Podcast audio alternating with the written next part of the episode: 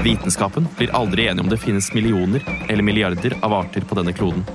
Men det vi kan slå fast, er at vi mennesker deler den med en fantastisk fauna.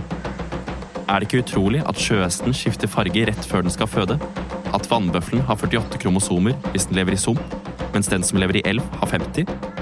Eller at den minste gorillaarten heter gorilla, gorilla, gorilla på latin? Jo, det synes i hvert fall jeg. Men hva er egentlig mest utrolig, fantastisk eller interessant? Ved hjelp av fem kriterier er det akkurat dette vi skal finne ut når vi skal kåre verdens beste dyr. Det er at det er noe veldig fantastisk med denne nesa, og så er det totalt ubrukelig i den store sammenhengen. Den kommer opp til 50 km i timen. Eller det knop? Er det knop de bruker, de som er i havet? Damekenguruene som har, har en sånn pouch, eller pose. En pung. Pung heter det. Pung. Ja. I hvert fall nå klarer ikke å tenke meg et søtere dyr. Nei, det blir faktisk ikke med på dette her!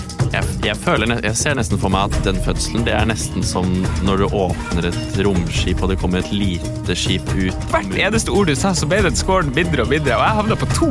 Altså, det her er jo et helt ubrukelig dyr. Det er det ultimate vesen! Bli med på kåringen av verdens beste dyr.